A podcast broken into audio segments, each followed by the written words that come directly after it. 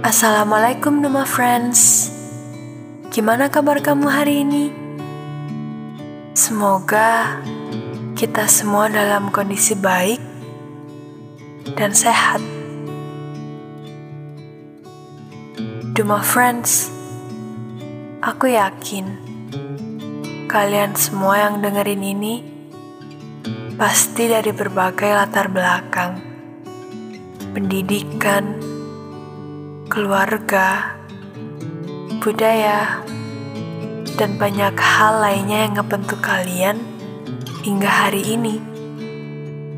Siapa pun dan di mana pun kalian yang dengerin ini, mungkin ada di antara kalian yang masih sekolah, masih kuliah, atau baru aja lulus terus cari kerja dan bagaimanapun kondisi kalian sekarang, semoga apa yang aku sampaikan bisa memberi makna dan manfaat untuk kalian semua. Quarter Life Crisis Sebuah topik yang sering kali dibicarakan di tengah kita banyak sekali penggambaran tentang satu kata ini. Ada mereka yang bilang quarter life crisis adalah masa pencarian jati diri, masa memperjuangkan cita-cita. Ada juga yang bilang kalau quarter life crisis itu fase di mana kamu ingin menjadi diri sendiri, atau malah fase di mana hidup penuh kedilemaan, bingung ke mana diri ini akan melangkah, gak ngerti apa yang ingin dicapai. Pokoknya penuh dengan kecemasan dan kekhawatiran.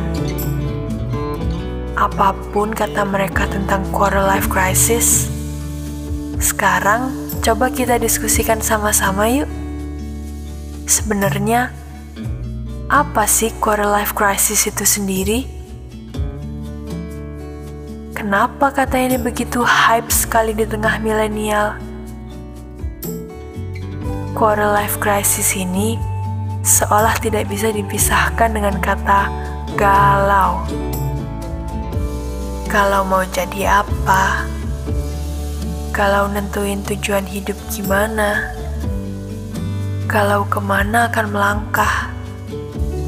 Kalau gak bisa sesuai ekspektasi? Kalau bandingin hidup sama orang lain? Dan berbagai kegalauan lain yang tak pernah ada habisnya. Di suara Duma kali ini, aku pengen kasih tahu gimana sih cara ngadepin quarter life crisis itu sendiri.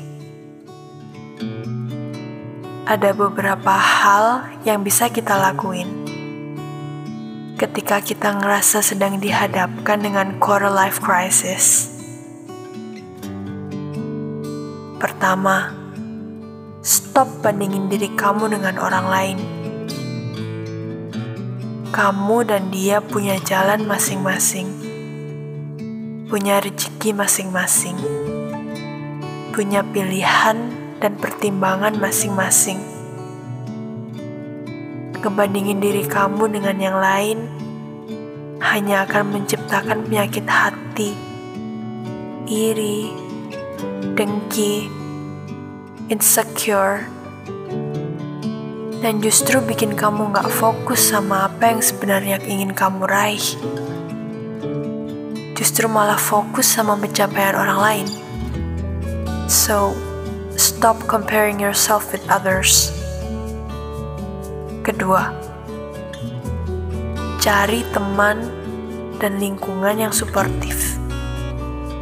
Sadar nggak sadar, siapa yang ada di sekitar kita bakal mempengaruhi akan jadi siapa kita.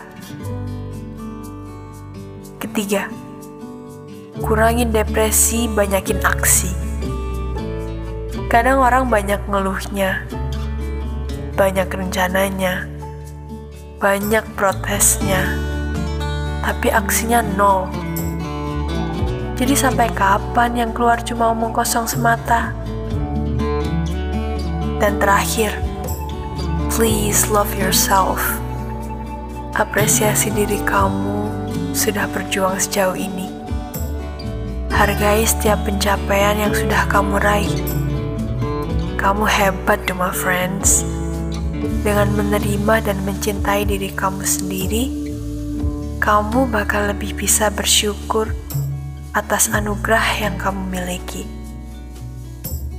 Terkadang, tanpa kita sadari, saat kita sibuk ingin menjadi orang lain, banyak orang di luar sana yang berharap ingin menjadi kita. Lantas, masihkah perlu merasa krisis dalam hidup ini?